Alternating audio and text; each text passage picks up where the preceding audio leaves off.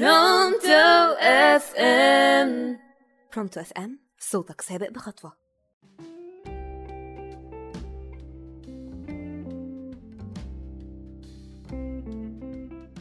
يا مساء الخير على مستمعينا في كل مكان. معاكم منار ممدوح وآخر حلقات برنامجكم عيش عيشة أهلك على راديو برونتو أف إم.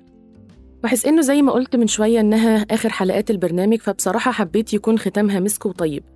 وأعتقد مفيش أطيب من بيوتنا وأسرنا في حياتنا خصوصا في الزمن الصعب ده.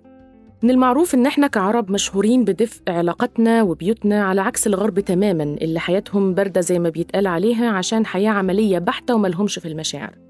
بس للأسف حتى دفء بيوتنا ده بدأ ينقرض. وده مش من دلوقتي بس لكن من فترة كده. من أول ما بدأت التكنولوجيا وبعدها السوشيال ميديا يتوغلوا في حياتنا بشكل مبالغ فيه.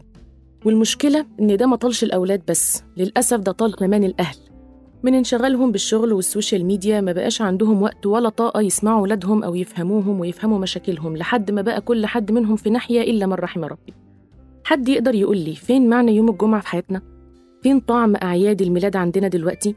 فين لهفة انتظار يوم العيلة كلها تتجمع مع بعض فيه في الأسبوع؟ ويا ريت محدش يقول الدنيا مشاغل وتلاهي لأن ده مش السبب الوحيد ممكن يكون سبب بس مش الوحيد لأن قبل السوشيال ميديا واستسهالها كنا بنعرف نتقابل على الرغم من مشغولياتنا اللي بدراسته واللي بشغله. لو نفتكر زمان كنا كلنا بنستنى يوم الجمعة بفارغ الصبر عشان نتجمع على الفطار الصبح وبعد الصلاة نقضي اليوم مع بعض ما بين بيت أو خروج. بظروفها كانت أعياد الميلاد ليها طعم تاني عشان بنتجمع وبنستعيد ذكريات زمان ونعمل غيرها في نفس الوقت بدل ما بقينا بنكتفي دلوقتي بمجرد post على الفيس أو مجرد معايدة على التليفون وغيره.